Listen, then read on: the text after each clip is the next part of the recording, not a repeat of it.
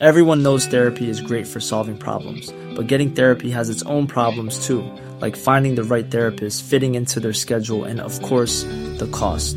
Well, BetterHelp can solve those problems. It's totally online and built around your schedule. It's surprisingly affordable too. Connect with a credentialed therapist by phone, video, or online chat, all from the comfort of your home. Visit betterhelp.com to learn more and save 10% on your first month. That's BetterHelp, H E L P. Mom deserves the best, and there's no better place to shop for Mother's Day than Whole Foods Market. They're your destination for unbeatable savings, from premium gifts to show-stopping flowers and irresistible desserts. Start by saving 33% with Prime on all body care and candles. Then get a 15-stem bunch of tulips for just $9.99 each with Prime. Round out Mom's menu with festive rosé, irresistible berry chantilly cake, and more special treats. Come celebrate Mother's Day at Whole Foods Market. Ready to pop the question? The jewelers at BlueNile.com have got sparkle down to a science with beautiful lab grown diamonds worthy of your most brilliant moments. Their lab grown diamonds are independently graded and guaranteed identical to natural diamonds, and they're ready to ship to your door. Go to BlueNile.com and use promo code LISTEN to get $50 off your purchase of $500 or more. That's code LISTEN at BlueNile.com for $50 off. BlueNile.com code LISTEN.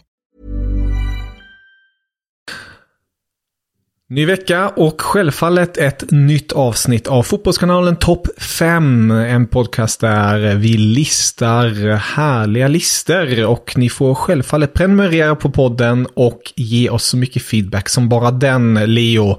Och vi har ju fått feedback igen och det gillar vi ju. Ja, jag fastnade lite på det att du sa att vi listar härliga listor. Det vore en jävla bra lista om vi listade listor. Men min, på femte plats på min topp fem-lista över listor är topp fem vänsterfötter. Och på fjärde plats nu, topp fem listor, det är bakelser. bakelser. Topp fem bakelser. Och på tredje plats över listor har vi bilmärken. Topp fem bilmärken. Oh. Skyller på att jag är tysk och inte kan det svenska språket. Nej, nej. Nej, fy fan. Den här gången kommer oj, oj, oj. Oj, oj. oj, oj. oj. Ja. Ja, ehm, vi, vi har ju fått feedback, Ja, som vanligt. Ja. Och, och jag, jag måste komma med den här som jag tycker är så underbart. Vad har vi fått feedback på? Vilket var vårt senaste avsnitt? Vårt senaste avsnitt var ju det med Frida och vi pratade om Premier League-anfallare. Ett, ett ämne med mycket... Gud, jag, jag tänkte på det senast när jag klippte ett avsnitt. Man kan nästan göra en bingobricka nu. Det finns så här ord och ehm, eh, saker både du och jag säger varje avsnitt. Är Till det exempel så? jag med, ja, jag med det gröna rummet. Ehm, och sen har du en grej, ja, attans också, nu glömde jag bort det. Eh, Det är precis i början. Just det. Det är så här du säger. Det här är ett ämne som förpliktigar. Okej, det säger jag flera gånger. Nu ska jag sluta säga det. Nej, det. nej, men det, det är härligt. Jag tycker, jag tycker det är bra för att det, det skapar ramar och en igenkänningsfaktor. Men å andra sidan, alla ämnen är ju ämnen som förpliktigar. Vi tar ju det här ytterst seriöst, Kevin. Det gör vi ju. Det gör vi ju. Och det är därför det är härligt när ni också kommer med era tankar och funderingar och tycken. Eh, Som Oskar här till exempel. Oskar skriver Hej! Jag fattar att Leo bara trollar, men att sätta Bergkamp som etta är ett stort skämt för att bara släppa. Ars- Arsenal var under den här tiden precis så bra som Leo beskrev. Och att i det att Arsenal göra 87 mål på 315 matcher diskvalificerar en från till och med från en topp 20-lista. Ja, eh, och han har bland annat, vi kan eh, läsa upp hans lista. Eh, Femma Agüero, fyra Owen, trea Rooney, två Henri och etta Shearer. Han nämner ju Michael Owen att vi missar honom totalt här. Eh, med tanke på den enda som har vunnit Ballon d'Or. Ja, eh, nej, jag vet inte Oskar. Det Alla har ju rätt till sin åsikt. Det är som är grejen med listor. Jag tycker din lista var ganska trevlig och välmotiverad. Jag tycker dock att Michael Owen är väl kanske en av världshistoriens mest överskattade anfallare. Eh, det är klart att han var ett anfallsunder och det är klart att han var ung och fin och sådär, men liksom sett över en hel karriär så har han ju inte mer än vadå, fyra riktigt bra säsonger kanske. Varav den högsta nivån var ju liksom inte ens att jämföra med till exempel, eh, det är inte en Premier League-anfallare, men till exempel eh, samtida Ronaldo, riktiga Ronaldo. Eh, så nej, Owen faller bort för mig för att han var bedrövlig i Newcastle och Stoke och Manchester United. Dock på grund av skador, ska det sägas. Det här med Bergkamp, jag har ju liksom hållit Bergkamp eh, väldigt högt uppenbarligen, men eh, i, i hela mitt liv.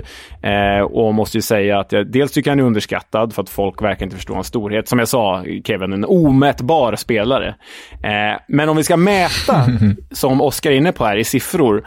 Jag tror att Oskar, du är lite inne på ett lite smalare begrepp, en lite smalare lista som vi får återkomma till, men det verkar som att du är inne på topp fem målskyttar. En anfallare och en målskytt är inte samma sak i mina ögon. Jag menar, det finns ju targetspelare, de är sällan eh, särskilt bra målskyttar. Det finns ju den typen av anfallare som Bergkamp är, som Gianfranco Sola var. Och det är ett namn jag kan gå med på att vi glömde diskussionen till, kring topp fem anfallare. Gianfranco Sola hade kunnat eh, vara ett namn mm. på den listan. Men om vi ska mäta Bergkamp, alltså Bergkamps roll var ju inte att göra målen. Bergkamps roll var ju att göra Henrys mål. Det var ju tack vare Bergkamp som Henry gjorde sina mål. Och ska vi titta på siffror så är Bergkamp den anfallare med näst flest assister i Premier League-historien. Bara Wayne Rooney har fler. Um, och det är alltså Bergkamp är den spelare som har slagit flest, sjätte flest assister i hela Premier League-historien. Han har bara De Bruyne, Lampard, Rooney, Fabregas och Giggs framför sig. Och det tycker jag säger något om Bergkamps storhet. För det var inte jaget, det var laget på det mest eleganta sätt. Så nej, Oskar, jag köper inte eh, din beskrivning där av en anfallare. En anfallare är så mycket mer än bara målskyttet och det tycker jag Bergkamp visade. Mm, härligt, eh, underbart. Först och främst tack Oskar för att du skrev in till oss. Det uppskattas väldigt mycket och härlig eh, tycke och härlig argumentation här från dig Leo också. Eh, ett annat namn jag måste slänga in här är från Linn. Hon säger att vi glömde helt och hållet bort Robin van Persie. Ja, fast Fast gjorde vi det? Eh, ska, alltså den höjden han hade absolut när han, när han avgör ligan för Manchester United mot Aston Villa där, det är ju ett av de bästa målen i Premier League-historien. Mm. Men li, lite samma sätt som Michael Owen, bara att liksom där Michael Owen dippade så accelererade van Persie. För van Persie har ju ganska många år där han är en bra anfallare, men inte en av de bästa i Premier League. Och sen accelererar rejält där i slutet av Arsenal och, och Manchester United-guldsäsongen. Så, äh, Rankar man topp 20 anfallare, då kanske van Persie är med där, men inte topp 5. Okej, okay, ja, jag tänkte just på det där du var inne på. Han, han kom ju ändå till United och var en bärande del i det United som tog titel där på slutet. Um... Ja, men som sagt, det målet är ju wow. Verkligen. Ja, det var Premier League-anfallare. Som sagt, ni som inte lyssnar på avsnittet, eh, lyssna gärna på det. Det var jäkligt trevligt att prata med Frida och höra både Leos och Fridas listor kring Premier League-anfallare. Men nu ska vi bege oss till sydligare breddgrader och prata med en kollega vid namn Svanemar, eller hur Leo? Mm, det blir ju mittfältare i Serie A och jag skäms ju fortfarande över att jag inte hade med Sergio Bernardo Almiron. Men mer om det i avsnittet.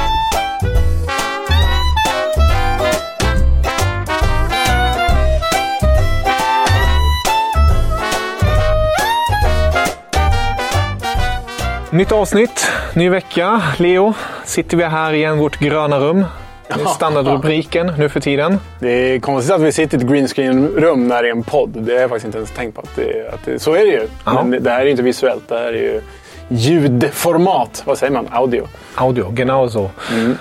Vi har ett rätt så intressant ämne framför oss. Mm. Eh, återigen en topplista som handlar om Serie A. Vi har ju mm. pratat om Serie A tidigare. Då pratade vi med Sia, ja. vår vän och kollega.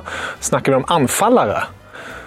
Nu vandrar vi lite längre ner på planen och ska snacka om mittfältare. Ja, det här är ju ett ämne, en lista som förpliktigar. För Serie A's mittfältare, jag bara slänger ut det där i eten, har det funnits en position med fler eleganta spelare i en liga någonsin. Det vet jag fan. Mm. Och då har vi tagit in en person som är extremt vass när det kommer till just detta. Nämligen Kristoffer Svanemar. Mm. Tack! Kul att vara här. Ja, riktigt kul att du är Kul här. att vara här och som Leo säger, det är, man fick brottas med ett par namn. Mm, jag kan Eh, tänka mig det. Så att det, var, det var klurigt detta. Och vi ska väl tidigt säga att eh, jag och Leo har ju pratat med varandra inför. Mm. För att liksom sätta lite grann ramarna för vad en mittfältare egentligen är. Ja, precis. Det, jag ställde ju frågan rakt ut. Hur gör vi med Totti och Maradona? Ja, den givna frågan. Ja. Är de anfallare eller är de mittfältare? Jag landade ju i, för jag fick ju ta det beslutet, Mm. och landade ju i att de är inte mittfältare. De är inte heller anfallare. Exakt. De är ju någon form av fantasispelare. Jag gissar att alla deras tränare har tänkt att de har nio utespelare och Maradona. Eller nio utespelare och Totti. Så jag tycker att de får gå kategorilösa. De, de kanske får en egen topp fem-lista, fantasista eller trekvartista eller något sånt där. Men det är från... Det avsnittet tänker inte jag vara med i, för den listan blir väldigt förutsägbar. Menar du? Ja, det, det Du och Gusten mot varandra. Ja, det, det blir ett långt avsnitt i så fall. Stångas blodigt där. Ja, men eh, topp fem mittfältare ser jag. Och som vanligt kommer vi hoppa sinsemellan. Du säger din femma, sen går vi till Leo och sen fram och tillbaka. Kommentera, hugga, hylla vad man vill helt enkelt. Låter det bra? Det låter rimligt. Det Ja. låter rimligt. Grymt! Men då, då tycker jag vi sätter igång helt enkelt. Plats fem, Svanemar. Ja, och eh, jag kan väl börja med att liksom, jag, jag eh, får ju någonstans dra en tidslinje för vad som är eh, rimligt. Vad är det rimligt att jag sätter Zidane på den här listan? En spelare som var i Juventus när jag var åtta år. Såg jag varje match av hans storhet i Juventus? Ska han då vara med på den här listan bara för att jag vet att han var jävligt bra i Juventus? Svaret jag gav mig själv är ju nej. Utan jag måste gå efter spelare som jag har sett vecka ut, vecka in.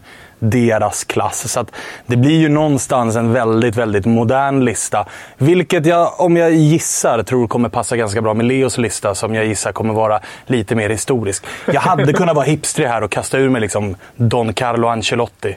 Jag har inte sett en frame Carlo Ancelotti på Milans mittfält, så att det hade varit lite hycklande också.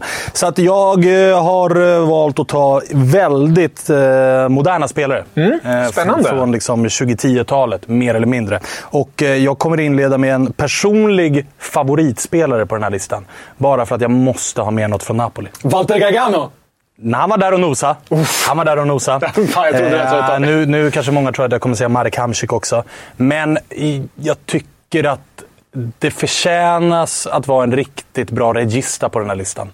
Eftersom att det är Serie A vi pratar om. Så därför har jag lagt Jorginho på en femte plats. Den såg jag faktiskt inte komma. Nej, det tror jag en del inte gjorde. Och så här, dels an, en anledning till att jag har med honom är för att han också lite väl revolutionerade straffarna.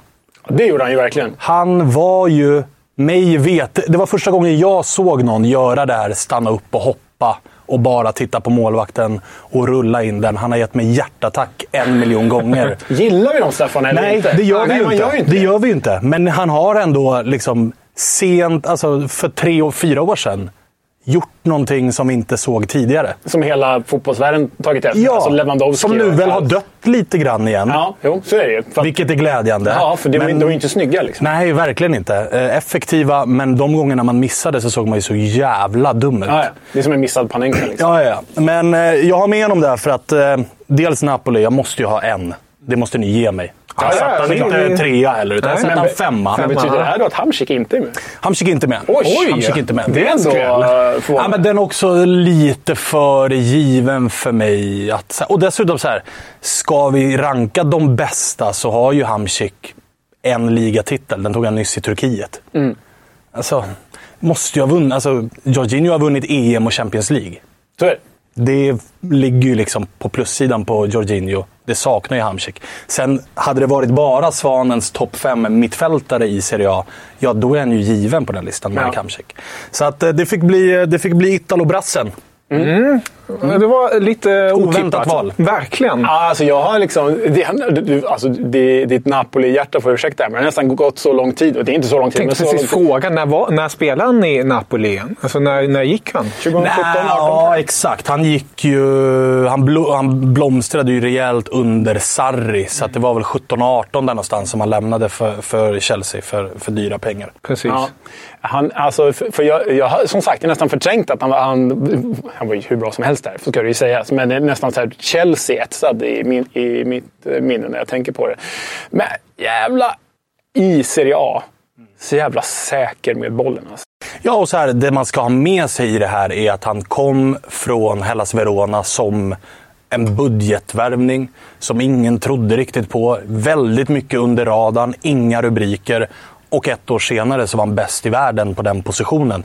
Det är ett och ett halvt år sedan det pratades om att det här är en Ballon d'Or-utmanare. Ja, efter att ha vunnit Champions League och EM och varit nyckelspelare för både Chelsea och för det italienska landslaget. Så det är, här idag så förstår jag att många Chelsea-supportrar kommer att tänka vad fan sitter han och säger? Men alltså de åren i Napoli följt av de första åren i Chelsea som toppades av Champions League-pokal och toppades av ett italienskt EM-guld. Ett EM-guld som ingen trodde riktigt på inför efter att ha missat VM Nej, dessförinnan. Och han var liksom spindeln i det nätet. Så att jag tycker att i en modern tapp, alltså pratar vi de senaste fyra fem åren så tycker jag att han är en av världens absolut bästa mittfältare. One size fits all seems like a good idea for clothes until you try them on. Same goes for healthcare. That's why United Healthcare offers flexible, budget friendly coverage for medical, vision, dental, and more. Learn more at uh1.com. This is Paige, the co-host of Giggly Squad, and I want to tell you about a company that I've been loving, Olive and June. Olive and June gives you everything that you need for a salon quality manicure in one box. And if you break it down, it really comes out to $2 a manicure, which is absolutely insane. It's also so easy to get salon worthy nails at home with Olive and June. The difference between how your nails used to look when you did them yourself and now with the Manny system is a complete game changer. The best thing about Olive and June too is it's a quick dry. Dries in about one minute, lasts for five days, and full coverage in up to one to two coats. Visit oliveandjune.com slash perfect manny 20 for 20% off your first system. That's oliveandjune.com slash perfect manny 20 for 20% off your first system. Mom deserves the best, and there's no better place to shop for Mother's Day than Whole Foods Market. They're your destination for unbeatable savings, from premium gifts to show-stopping flowers and irresistible desserts. Start by saving 33% with Prime on all body care and candles. Then get a 15-stem bunch of tulips for just $9.99 each with Prime. Round out Mom's menu with festive rosé, irresistible berry chantilly cake, and more special treats. Come celebrate Mother's Day at Whole Foods Market. Topp fem då? Nummer fem hos dig, Leo? Ja, men det här är också en personlig favorit. Ja. Eh, jag går lite bak i tiden, inte jättelångt. Ja, då var Svanen rätt på det direkt. Ja, men det är, nej, så långt bak i tiden är det- så långt bak i tiden är det inte. Det här är ändå en spelare som vi alla har växt upp med. Okej. Men man måste ju älska Clarence Seedorf.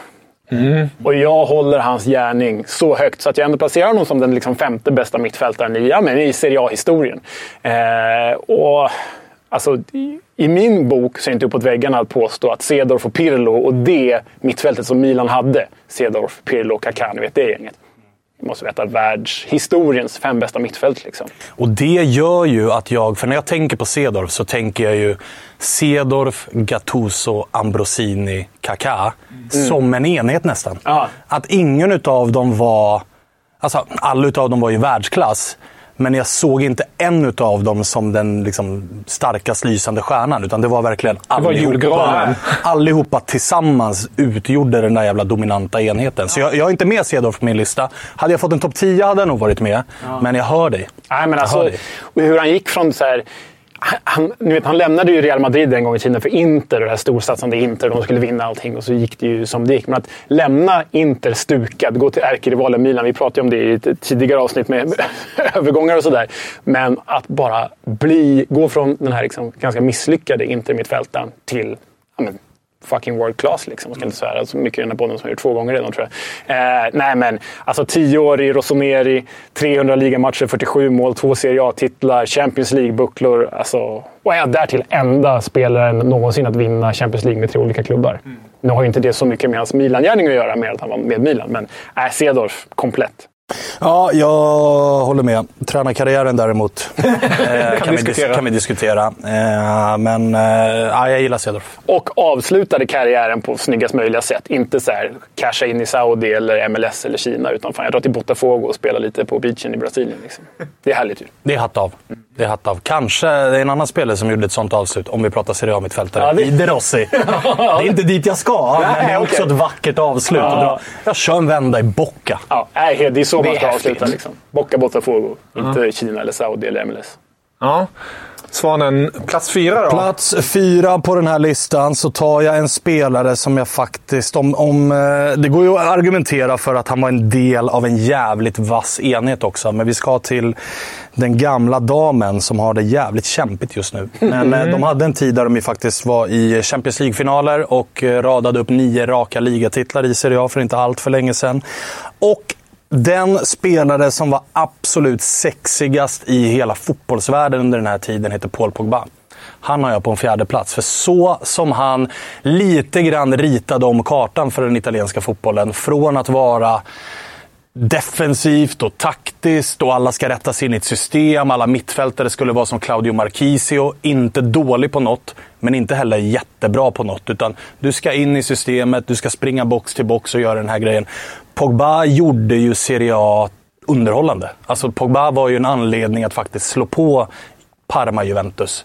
En anledning som, jag tittar ju på Parma-Juventus ändå, men jag tror att han lockade en ny publik till dels Juventus, men också den italienska ny ligan. generation En ny generation och han gjorde verkligen fotbollen till en show och han har dessutom de egenskaper som jag... Alltså som dels är så den nya sortens fotbollsspelare. Det är atleter nu för tiden. Eh, och på det en karaktär som var en artist.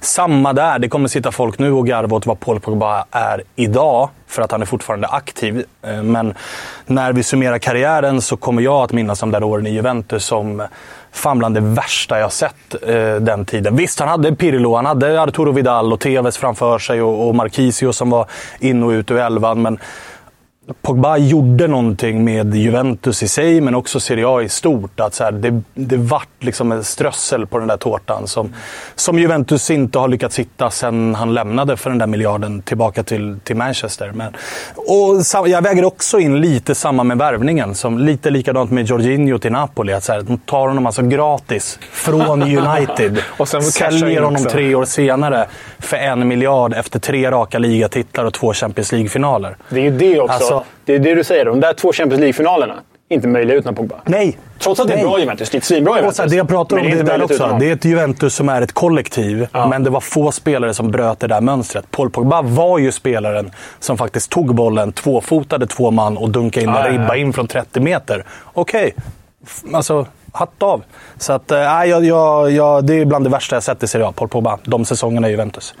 Ja, alltså det, det är egentligen bara att hålla med. Det är lätt att man hamnar så här där man så förstärker varandras listor. Så här, ja, det här är bra, det här är bra. Men Pogbas höjd i alla fall, det är ju en av de absolut högsta, högsta nivåerna Serie A och fan världsfotbollen har sett i modern tid. Mm. Ju.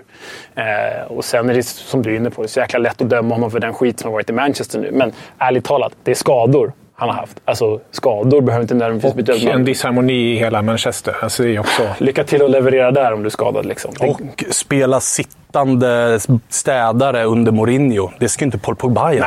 Alltså, Paul Pogba ska gå ut och få instruktionerna. Gör vad fan du vill. Exakt. Alltså, du, ju du ska nästan- vara på plan och göra vad du vill. Han är Verkligen. nästan i den där rollen som du berättade tidigare när vi pratade om Totti Maradona. Nu Ja, ska vi inte nej, jämföra nej. för mycket, men det är ju... Nästan rollbeskriv. Han hade nog inte lika många direktiv i defensiven, Paul Pogba, som, som eh, de andra i Juventus. Nej, nej verkligen. Nej, men det, här är, det här är en spelare som inte är med på min lista, men eh, jag köper allt han är med på en annan lista. Det gör jag. Absolut, absolut. Sen väljer jag mycket med hjärtat också. Det ska, Ja, det ska jag ska man säga. Det är, det är fotboll. Det är det som är härligt. Det gillar vi. Leo, vem har vi på din fjärde plats? Ja, nej men det kändes ju lite konstigt. tysk? Eh, Sluta. Om någon låter Matteus, Nej, men han men spelade ju mycket back. Liksom, så. Men, eh, Topp 50 kanske. Serie A. nej, ju... Där har du fan Walter Gargano före alltså. Vi har ju försökt få in någon tysk när vi pratade med Sia om anfallare med. Det, det, Gargano som för övrigt är gift med Marek Hamsiks syrra. Är det så? Mm, har du den anekdoten också att ta med dig? Ja, det är bra. Nej, men vi får göra topp fem tyskar, då får du dina tyskar. tvärtom. Marek är gift med Garganos syrra. Så är det. Ja, Sorry. okej. Ja. Fan, jag har alltid varit team Gargano där, tänker jag. Riktigt jävla underbar knuggare. Men, eh, men det känns lite konstigt. Jag växte ju upp som en interista. Det vet några så här. Eh, sen blev det ju, eftersom att jag pluggade i Florens, så blev det ju Fiorentina. Det är ju vad det är. Liksom. Så. Men eftersom att jag växte upp som en interista så känns det ju konstigt att välja två Milan-profiler direkt här. Och här är ju precis någonstans i skarven att jag är för ung egentligen. Eh, så jag, det här är liksom vad man har läst sig till, vad man har förstått hur mycket han betydde, vad man har liksom utrönt av Arrigo Sacchi och Carlo Ancelotti och alla så här i efterhand. Men jag gillar mina holländare. Frank Rijkaard ska in på den här listan. Och det kanske han ska. Jag har ingen jävla aning. För jag, så, jag har inte sett mer än liksom YouTube-highlights på, på hans tid i Milan. Nej, men det, är ju, det är ju lite där någonstans jag kommer ifrån också. Men det, man har ju sett liksom, kanske matcher, inte hela matcher i efterhand, men ändå i efterhand och förstått hur mycket han betydde. Man kunde välja Rijkaard, man kunde välja Schullit, Schullit mer artist, mer framstående. Rijkaard ändå. Rijkaard hade ju det här, ni vet, så här, lugn och bindgalen på samma gång. Det är spottloska i ena stunden och det styr över laget och liksom lyfta dem till ja, men fan, Champions League-höjder, Europacups-höjder. Liksom. Eh, och Rijkaard med, det, med frisyren och den här lilla, så här, vad säger man, Mustaschen, gigolo-muschen. Liksom. Ja, ja. Bara hela den, hela den swagen, tidig, sent 80-tals, tidig 90-tals-swag på Rijkaard för en världsklasspelare. Alltså Luis Gustavos utseende fast 30 år tidigare. Fan, det har ju någonting. Det, det är väl kanske utseendet då som skulle göra att han tog plats på min lista. Men jag, jag, jag, eh, jag kan ju liksom inte... Men Jag kan ju inte med stolthet motivera att han ska vara med på min lista. För, I och med att jag inte har sett han. Men det, som sagt, det förvånar mig inte att han är med på Leos Nej, lista. nej. Förvånar Nej, mig noll. Nej, men här var ju liksom, Milan var ju världens bästa lag Mm. då i, ja, men hur många, i ett årtionde. Liksom. Och Rijkaard var en av de spelarna som såg till att det blev så. Man plockade honom från Zaragoza, vilket är helt sjukt att han var där och härjade. Gjorde 17 matcher på någon jävla vår. Liksom. Där har du en quizfråga. Ja, det är inte många som tar. Rijkaard i Zaragoza. Nej. Men du vet, han kunde spela allt från backlinje till det offensiva lite styrd och ställde var han än var. Europ alltså, europeiska cupbucklor. Jag är ju fem år i Milano faktiskt, inte så mycket. Men ja, byggde Berlusconis Milan. Vi måste ha någon från Berlusconis Milan och då blir han. Ja. Jag kan heller inte kommentera så mycket på Rijkaard. Det, det är också innan Hade han varit tid. tysk hade du säkert haft något att säga om Ja, det. då hade jag förmodligen haft något att säga om det. Då hade min morfar berättat Nu, och nu är han holländare, så nu är det nästan så att Kevin är lite arg. Ja, då. Två holländare! Ja, herregud, det, alltså. Jag märkte det. finns en trend där. Du gillar holländare. Vi har Älskar pratat- ja, holländare. Kanske kommer en tredje, vi får se. Nej, fy fan. Ja, nu, nu går vi in till eh, topp tre här. Topp tre och nu är det dags för fanbärarna att få speltid på min Ja. lista och kanske den allra starkaste utav dem. Vi är kvar i Milano, men vi rör oss till eh, den andra klubben. Javier Zanetti. Ja. Måste vara med. Alltså måste vara med på en sån här lista. För att han var ju motsatsen mot Paul Pogba. Alltså han är Han ju... gnetade. Det, var tröja instoppad, det var shortsen högt, det var vilken jävla position man vill. Trivdes väl egentligen bäst på mitten, men fick ju gå ner och vara lite vänsterback och grejer på karriärens höst. Och Gentleman. upp det. Ah, alltså gentleman. Alltså, och man blir varm i hjärtat bara man ser honom än idag på läktarna. Att så här, okej, där är Zanetti. Då vet man att det alltid kommer vara stil på Inter. Men också så här, han spelade en jävla viktig roll när Inter tog sig tillbaka och blev det Inter som gick och vann trippen. Och liksom, det som är speciellt med honom för mig är också att så här, ingen har någonsin haft ett ont ord att säga. Och vad man än tycker, vad mitt supporterhjärta än tycker om Inter, så har ju det varit en spelare man alltid haft enorm respekt för. Man har aldrig kunnat tycka, inte ens i en en matchsekvens har man kunnat tycka illa om Javier Zanetti, för att det är Javier Zanetti. Precis som Paolo Maldini, samma egenskap ju. Alltså, Ja, lite två, så. Liksom. Och det, det som skiljer de två lite grann är ju också att Paolo Maldini i slutet av karriären hamnade ju ändå i lite jidder med sin egen kurva och de här Ja, grejerna. ja. Zanetti hade ju inte ens det. Utan det var liksom prickfritt rakt igenom hela karriären. Och så här Inters argentinska arv, där är ju han också den som sticker ut allra mest. Och vad han har betytt för fotbollsklubben Inter är eh, enormt. Eh, Så att jag, jag ville hitta en plats för honom på listan. Och när man har gjort den karriären han har gjort i en och samma klubb egentligen, i visst Argentina från början, men i Europa så, så har det varit samma hela vägen. Så där tycker jag att man, han har liksom jobbat till sig en plats på den listan. Den största utländska banderan, väl? Ja, det måste det vara. måste det absolut vara. Det måste det vara. Eh, Jag kan säga så här att jag, när, när jag då höll på Inter ungdomsdagar, då var ju Il Trucco, som man kallade det, så var han ju högerback, sprang mycket på högerbacken och härjade och så. Så jag har liksom alltid... alltid sett honom som försvarsspelare, även om han spelade hur många år som helst på det centrala mittfältet där i, där i slutet. Men jag, så, så, typ av den anledningen är han inte med på min lista, för jag, jag ser honom mer som försvarare än mittfältare. Eh, hade, jag- hade jag definierat honom som mittfältare, då hade han typ varit etta på min lista. Alltså jag älskar ju Ah, alltså, det är svår, svårt att... Jag tror inte det finns någon som har något ont att säga. älskar den här gentlemannen. Alltså, det är, och lika snygg idag som du Ah, också. herregud. Ja, det ska fan vägas in när vi pratar mittfältare i Serie A. Alltså, vilken stilig, snygg man det där fortfarande är. Alltså, otroligt. Nej, inte, nej, för fan. Det här är Jag vill ha vad han har. Det han äter, det han stoppar i sig. Det vill jag ha. Åldras inte en dag. Nej, verkar vampyr säkert. Hur gammal är han nu egentligen? Måste närmare... 45 kanske. 29 fortfarande. Helt rätt. Bra svar. Ingen Zanetti då på din trea, Nej. förstod vi det som. Eh, om du har gjort din bakläxa nu Kevin, Ja. så kommer du höja på ögonbrynen för den här. Ja. Men eh, på tredje plats har jag ju eleganternas elegant. Och det är Zinedine Zidane. Vi måste gå till eh, Juventus här. Du ser frågan ut. Ja, och det är just det du menar då. Alltså, du, du har honom på tredje plats, men vi pratar i ett annat avsnitt om världens bästa. Och Då var han högre upp. Då var han på andra plats. Exakt. Ja, så hur kan han vara på hur, går det, hur går det ihop där då? Nej, men det, Det är går... Leo-logiken. det ena är att med listor så är det ju precis som du sa. Jag vet inte om vi fick med det eller om det var off the record. Men du sa alla, när vi, precis när vi satte oss här så sa du att det är lite dagsform på själv också när man gör sin lista. Inte på spelaren, men på, på, dags, eh, på sin egna dagsform. Nej, men framförallt har det att göra med att när vi pratar om världens bästa spelare då har jag, bedömde vi framförallt, förutom Ronaldinho, en hel karriär. Ronaldinho var ju toppen där. Liksom. Men en hel karriär. Här pratar vi om mittfältare i Serie A. Och där gjorde ju Zidane, bara inom citationstecken, fem år. Klart att han var bäst i Zidane. Liksom. Klart att han absolut var bäst. Men hade han spelat tio år i Serie A, då hade jag ju nog kanske haft honom etta på den här listan. Men nu blir det trea, trots att det är världens näst bästa spelare genom tiderna enligt undertecknad.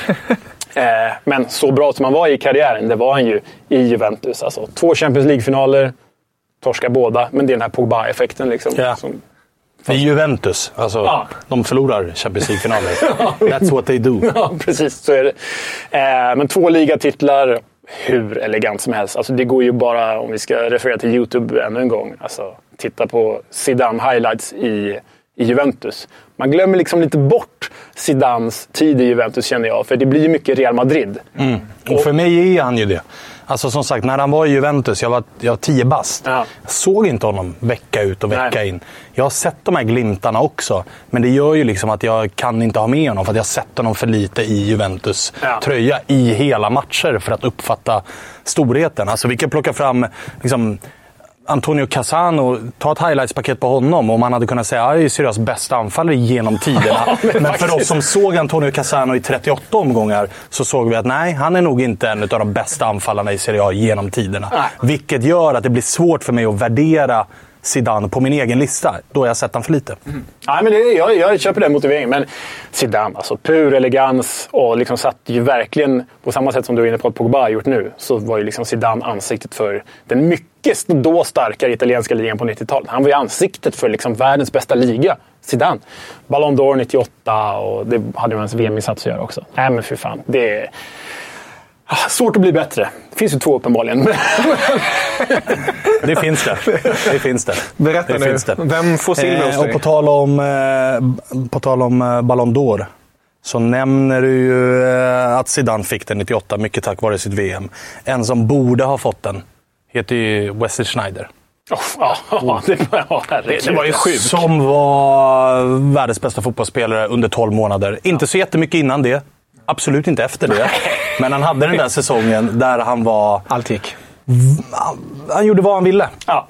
Han gjorde precis vad han ville, när han ville, hur han ville. Han tog, tittar vi på det där holländska laget igen, det är ett ganska dassigt lag som han leder. Det är Joris fucking Matthijsen han leder till en VM-final. Ja, alltså är ni med? Och det, det, mot det Spanien. Exakt, Alltså. Och gör match utav det. Ja, ja, och allting är... Det var tydligt. Det var typ första gången man såg ett Holland frångå sin totalfotboll och taktiken var bara ge bollen till Schneider så får han hitta på någonting ja, ja. utav det här. Och han är ju nära att lösa det, vilket är otroligt. Så att den trippelsäsongen han gör med José Mourinhos Inter Det är, om, om vi pratar bara kortast tid, så här, den bästa mittfältarna jag sett i en säsong i Serie A. Då är det Wesley Sneijder. Sen hade han inte över tid den, alltså samma kvalitet. Han, och det såg vi ju om inte annat när han la skorna på hyllan. Att det kanske inte var världens träningsnarkoman. Det var inte fokus på han det. kanske inte brann för att hela tiden maxa sig själv.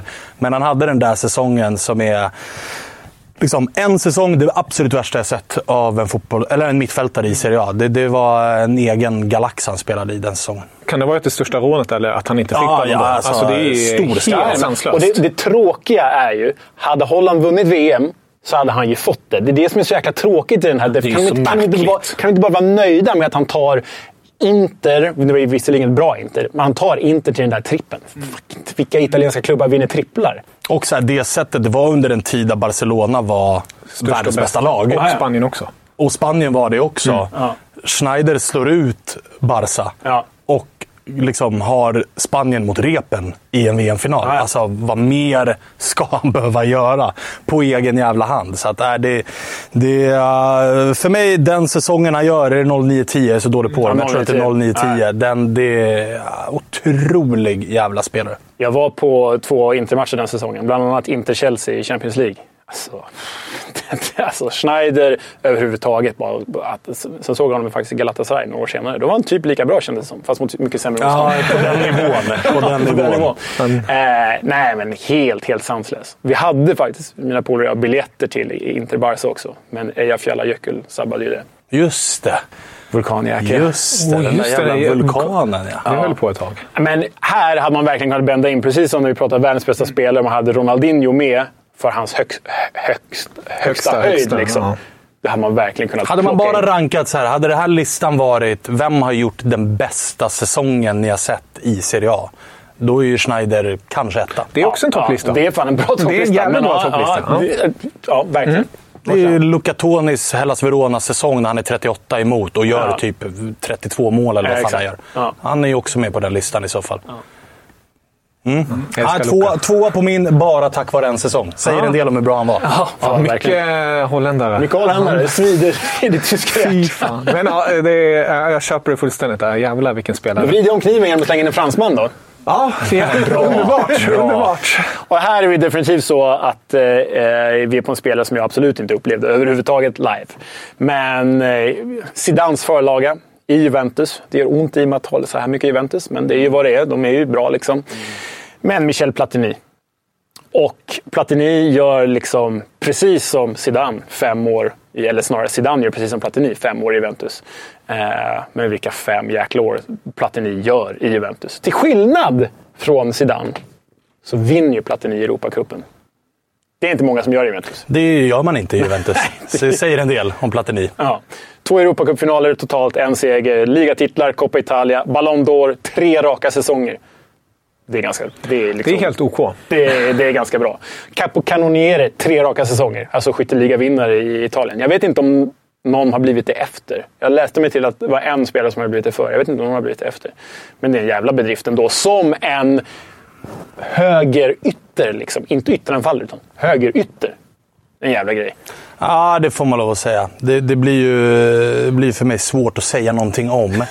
eh, för mig är ju Platini bara den som boxades mot eh, Maradona.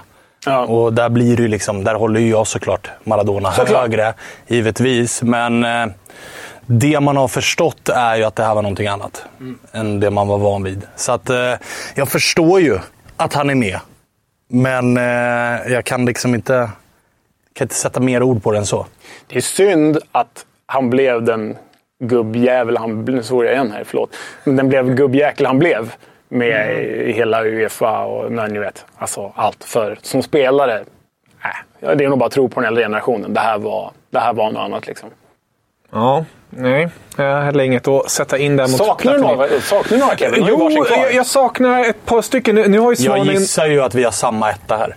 Det gissar jag också. Det, det, och, Det gissar jag också. Det finns ett par namn och jag gissar på att han inte är din etta, så jag måste ju nämna honom då. Alltså jag tänker till exempel på en som De Rossi, till exempel, att han inte är med på en sån här lista med tanke på hans trogna tjänst i Roma. Topp fem alla eller, fall. eller, Ja, där skulle han ju vara med. eller, eller en, en Gattuso, tänker jag också är heller inte på er topp etta, som också borde Nej, kanske gått in nej, här. nej, nej. Alltså, jag, jag vet inte. Är, Nej, nej, Alltså jag var ju alltid team Ambrosini. Alltså I Gattuso Ambrosini-diskussionen så var jag ju alltid team Ambrosini. Också för att det är en av få blonda italienare. Man hade lättare att ta till sig honom. Han och Davide Biondini. Ja, exakt. Alltså, det var lättare att ta till sig. Men De Rossi, ja, jag funderade väl är ju- lite. Men topp fem är högt alltså. För De Rossi. Topp fem är högt. Hur ställer du dig till eh, Kaká? Vi hade ju Gusten i premiäravsnittet ju. Eh, som, som sa att det var en av världens mest överskattade spelare. Det behöver man ju inte tycka. Men Nej, alltså jag, jag håller nog med Gusten om att han är lite överskattad. Sen har jag ju honom också i samma kategori, alltså positionsmässigt nästan som Totti och Maradona. Ja, det är mer där att så här, var du mittfältare eller var du anfallare? Du var nog någonstans där mittemellan, vilket gör det så här... Det blir så jävla svårt om man... För att skulle vi, skulle vi tillåta den positionen, då skulle du och jag sitta här och ha samma topp fem. Ja, men ja, det- Alltså, då skulle ju Totti vara där, Maradona skulle vara där, Kaká skulle väl brottas in på någon femte plats. Del Piero kanske? Ah, Del Piero verkligen anfallare. anfallare, men- Ah, okej. men- verkligen eh, anfallare. Men du vet, det skulle bli en topp två-lista för att 1, 2, 3 skulle vara samma hos oss båda. Så att det gör det lite svårt. Sen går det väl kanske att argumentera för att Schneider också är lite mer av en fantasigubbe. Men jag ser honom mer som en mittfältare än som en anfallare. Där är det mer 70-30 kanske, medan Totti, Maradona, Kaká 50-50. Men jag slänger in ett annat namn som jag antar inte är på ettan här. För jag tror alla vi tänker lika, men vi ska inte säga namnet än. Men eh, en, en Pavel Nedved till exempel. det är ett bra shout. Han, han är ju... Ja, den, den, är, han- den är bra, men för mig så fläck... Alltså, lite som Leo var inne på med Platini, så, och det ska det ju inte göras. Det är ju bara egentligen mina liksom, moraliska principer som kickar in. Att så här, det som händer här efter nu gör ju att liksom, hela hans spelarkarriär, för min del, svärtas ner lite grann. Att, så här, det, det verkar ha varit en, en eh, halvful fisk. Mm, det, det kan man ju lugnt säga. Och det, det, det svärtar ju ner, rent sportsligt. Han är kanske liksom på sjunde plats på min lista om du frågar. Alltså rent sportsligt ska han nog eh, kanske vara där. Men sen var det någonting för mig också, med den där frisyren, med den där uppsynen, som gjorde att jag inte kan ta till mig. Alltså återigen, det här är en lista också som, där jag inte bara har suttit och varit Nej, nej, dataanalys-scout och tänkt vem har varit den bästa fotbollsspelaren. Utan det är också lite grann vilka har tilltalat mig, vilka har jag gillat att titta på. Pavel Nedved, jag såg ju honom rätt mycket och tycker absolut att det var en grym fotbollsspelare. Men han tilltalade mig aldrig. Jag gillade aldrig Pavel Nedved. Så att därför är han nog eh, aldrig, alltså han var aldrig nära en topp fem för mig. Det, det, han var nog nära, om jag, jag ska erkänna. Men ännu närmare, som typ min sjätte plats är ju Demetrio Albertini. Ja, han tänkte jag faktiskt innan att han skulle du nog nämna. Jävla elegant. Rui Costa är också en sån där som jag tänker på. Ja, mål det är och sånt. Han är närmre, han är närmre. är närmre på min lista, just för swagen. Ja. Håret, också väldigt tidig med de korta strumporna med Ja, uppstickande ja. benskydd. På tal om Marek Hamsik. Jag slänger Thomas Müller Eh, där. Men jag håller, jag håller nog... Fa- och det är såklart, jag är färgad. Jag håller nog Marek Hamsik snäppet högre. Det, det gör ni också. Men det, som Fiorentina-supporter så måste man ju säga att Rui Costa i det stora hela har liksom försvunnit lite för mycket. För han var ju ändå liksom Garfunkel bakom Batistuta som var Simon. Alltså svårt att Glänsa. glänsa. Och då var han ju ändå... Alltså, vi- Rui Costa pratar vi modern tid inom citationstecken. Det är ju Fiorentinas topp tre bästa spelare. Men en spelare vi inte har nämnt är ju trots alltså Vi har inte snackat jättemycket Lazio, men ska vi s- tänka centrala mittfältare där, alltså Veron. Den Just tiden det. han Ja, gör, ja, alltså, herregud, det. ja. den tiden han gör i det Svennis Lazio är rätt okej, får man det- lov att det säga. vi Eh, Så att han hade nog, hade ni gett mig en topp 10 hade nog Veron kunnat bråka sig in på en eh, nionde, tionde plats där någonstans i alla fall. Nej, eh, den, den, Han tänkte jag på, men strök honom ganska snabbt från topp 5. Men eh, topp 10 kanske. Ja. Men om vi går till ettan då. Som det, det låter ju... Ingen av oss har Det är ju sagt sjukt namnet. om vi inte har samma nu. alltså. men det det, måste låter, vi ha, det, det låter ju på att Det vi vi alla tänker på samma namn. Så. Ja, och det gör ju lite ont i mig då han ju nästan har blivit en karikatyr på äldre dagar. Men det är ju såklart Andrea Pirlo. Christian Brocchi. Nej, jag skojar. Den hade varit magiskt stark att kasta ur sig. Eh, Stanislav Lobotka. eh, nej, men det är ju såklart Pirlo. Ja, alltså, såklart. det är ju Givet. det. Och det är ju lite så här... Man, det var ganska kul första gången när man såg honom sitta på en vingård och med ett glas vin och med sitt balsamhår. Nu har det ju nästan gått så långt att man är nästan trött på personen Pirlo. Och saknar fotbollsspelaren Pirlo. Verkligen. man är otroligt trött på den här städade Pirlo som står vid sidlinjen och ska leka tränare. Och det känns nästan som att han har en identitetskris i det. Att så här, jag måste ju Han vara måste tränare. spela det. För att, men den spelaren han var och att han också gjort det som är väldigt unikt för eh, en Napoli-supporter. Att han har spelat i alla tre randiga, men man har aldrig ogillat honom. Det spelar ingen roll Det om det var Juventus. Inter eller Milan. Nu vart det inte så mycket Inter. Men ändå Milan, storhetstid där. Och det finns ju en röd tråd också. Att så här, när Milan var bra, då var Pirlo där. Sen gick Milan och blev dåliga. Ja, det var ju för att Pirlo hade gått till Juventus. Och då blev Juventus helt plötsligt bäst i världen. Så att det, det, det går ju liksom inte att snacka bort hur bra Andrea Pirlo var på fotboll. Det, det är omöjligt. Tänk, tänk att de liksom fick för sig att han var för gammal. Ja. Milan. Vad var han då? 32 liksom. Ja. Tänk att de... Ah, det, det, Och, är och slut här. i, i Italien säger jag att Ja, du är för gammal också. också. Ja, Förlåt, ja, all respekt. Men det, är, det finns ju någonting där. Alltså min italienska kompis Riccardo, han är alltid så här, när jag snackar om spelare, bara fan, det är nu är glory days efter 30. Det är då det händer. Ja, nej, men det, nej, men alltså, Pirlo är, jag nämnde ju Demetrio Albert- Albertini eh, nyss. Jag tycker att Pirlo, både liksom spelmässigt och utseendemässigt, var en fulländad Albertini. Ja, verkligen. Alltså, det är en bra jämförelse. Albertini är fantastisk, men Pirlo ännu bättre. Och när jag satt och skrev den här listan så kände jag när jag, när jag kritade ner Pirlo, och det, sen satte jag första namnet jag satte ner Ja, på ja. första platsen. Och jag kände så här, hur sammanfattar man Serie A på 2000-talet? Pirlo. Mm. Alltså han spelar ju hela 2000 i princip Ja. hela 2000-talet och så är bäst, förutom inte då, men överallt. Ja, och så den elegansen, den nonchalansen, den överlägsenheten. Att liksom, det spelar ingen roll vad ni värvar för mittfältare. Jag kommer att stå här, jag kommer att styra och ställa. Allt ska gå genom mig. Och hade ju också, alltså, till skillnad från... Han var ju den moderna registan som är liksom tog det ett steg längre och också började göra målen. Ja. Alltså, han var inte bara den som kunde styra ett tempo. Man kunde låta, sätta in bollen på honom och låta laget andas. Utan han kunde också ta tag i frisparkarna och borra upp dem i krysset från 40 meter. Xavi fast målskytt. Ja, verkligen. Och, och, äh, det, var, det, det var fan någonting annat. Och, och värst, alltså, så här, värsta man sett. Och då trodde man ändå att det var slut fyra gånger. Men det var aldrig slut för Andrea Pirlo. Han var så pass bra och anpassade sig hela tiden till eh, den nivån och den miljö han var i. Och så två Champions League-titlar med Milan. Champions League-final med Juventus 2015 där, som med Pogba. Och VM-guldet 2006. EM-finalen 2012. Alltså, Och det, det VM-guldet är han ju kanske den bästa spelaren Ja. Italien har. Exakt. Den, eh, vi ska fortsätta strö salt i Kevins sår här, men den passningen han drar eh, mot Tyskland, Ja, ja. som ju är liksom... Nej, men det är ju- Hallå, den finns ju inte. Nej. Det finns ingen spelare som ser den passningen. Nej. Och det finns ingen spelare som i den matchminuten, på den arenan, med allt, har den touchen, det lugnet. Att bara liksom tickar in bollen. Ja, Nej, det, det var sån klass på Pirlo. Och det är sån enorm storhet i det här som många eh, regista i, eller register i, i Serie A har, men framförallt Pirlo. Inte fysiken, inte tempot och ändå håller han bollen ifrån allihopa som att det inte är någonting. liksom. Ja, ja, ja. Det, det har ju någonting. Det är så jäkla mycket vackrare att spela fotboll på det sättet Pirlo gör än på en så här fysisk bjässe på centralen. Ja, och så här, det, det var ju dessutom en spelare som aldrig såg ut att gå upp i maxpuls. Nej. Alltså, han var ju aldrig trött, Nej. men han tog aldrig en maxlöpning. Alltså, och han spelade 90. Alltså, det, var, det var aldrig något problem för Pirlo. Det, det var som att han inte lyssnade på vad tränare eller motståndare eller någon sa till honom. Utan det var bara, jag kommer in, jag spelar fotboll på mitt sätt och jag kommer bestämma över den här matchen. Vare sig ni vill eller inte så kommer jag att bestämma hur det här ska se ut. Så det var en unik jävla fotbollsspelare eh, i min bok. Och jag tror inte... Det är som du säger, det var Albertini 2.0 och efter Pirlo så har vi aldrig riktigt sett samma spelare komma.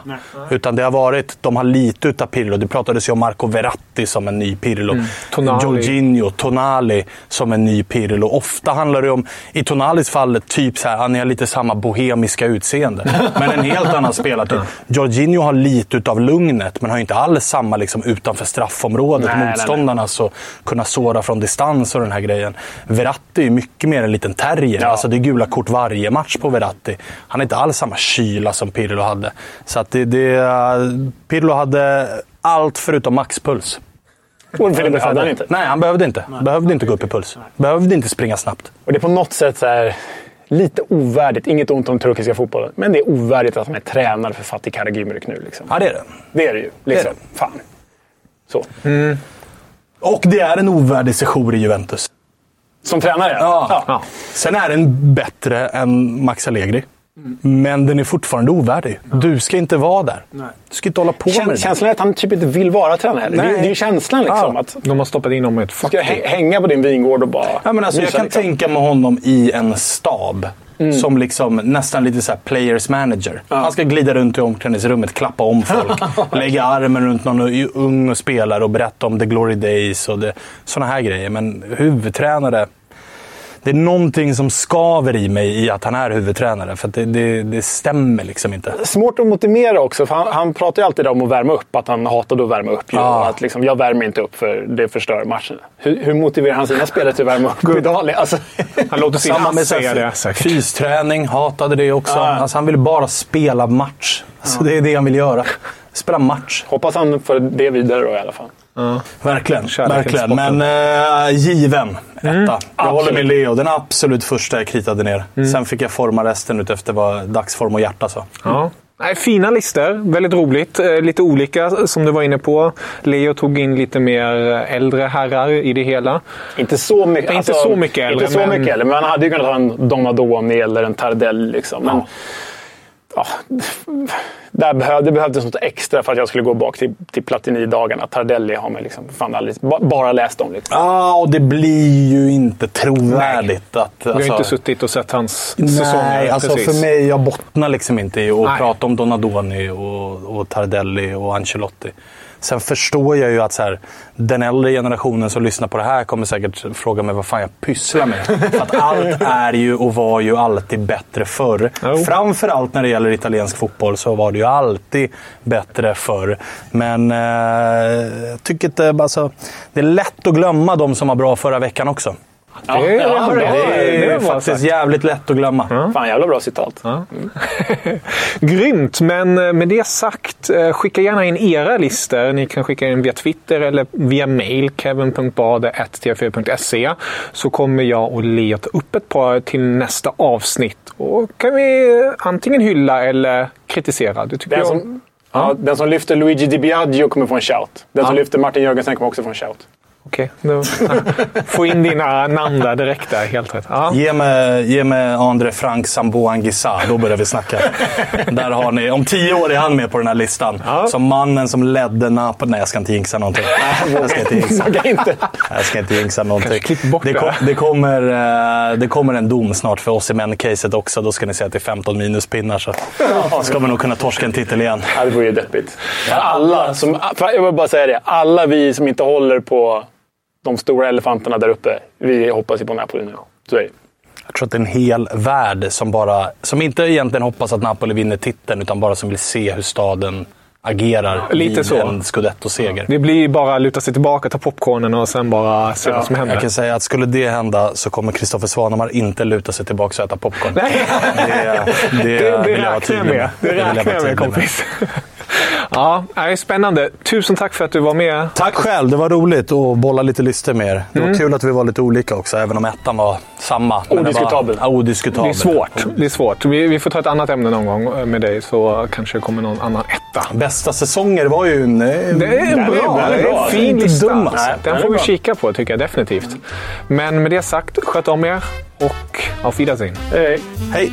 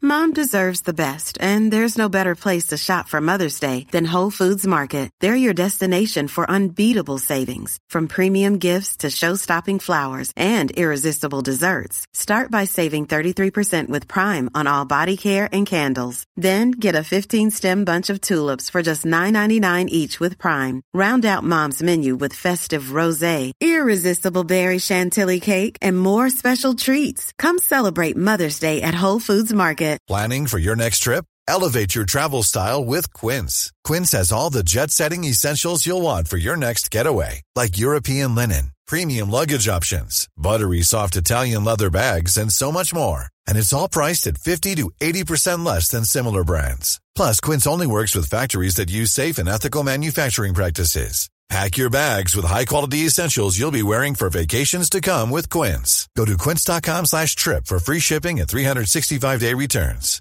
Mom deserves the best, and there's no better place to shop for Mother's Day than Whole Foods Market. They're your destination for unbeatable savings, from premium gifts to show-stopping flowers and irresistible desserts. Start by saving 33% with Prime on all body care and candles. Then get a 15-stem bunch of tulips for just $9.99 each with Prime. Round out Mom's menu with festive rosé, irresistible berry chantilly cake, and more special treats. Come celebrate Mother's Day at Whole Foods Market.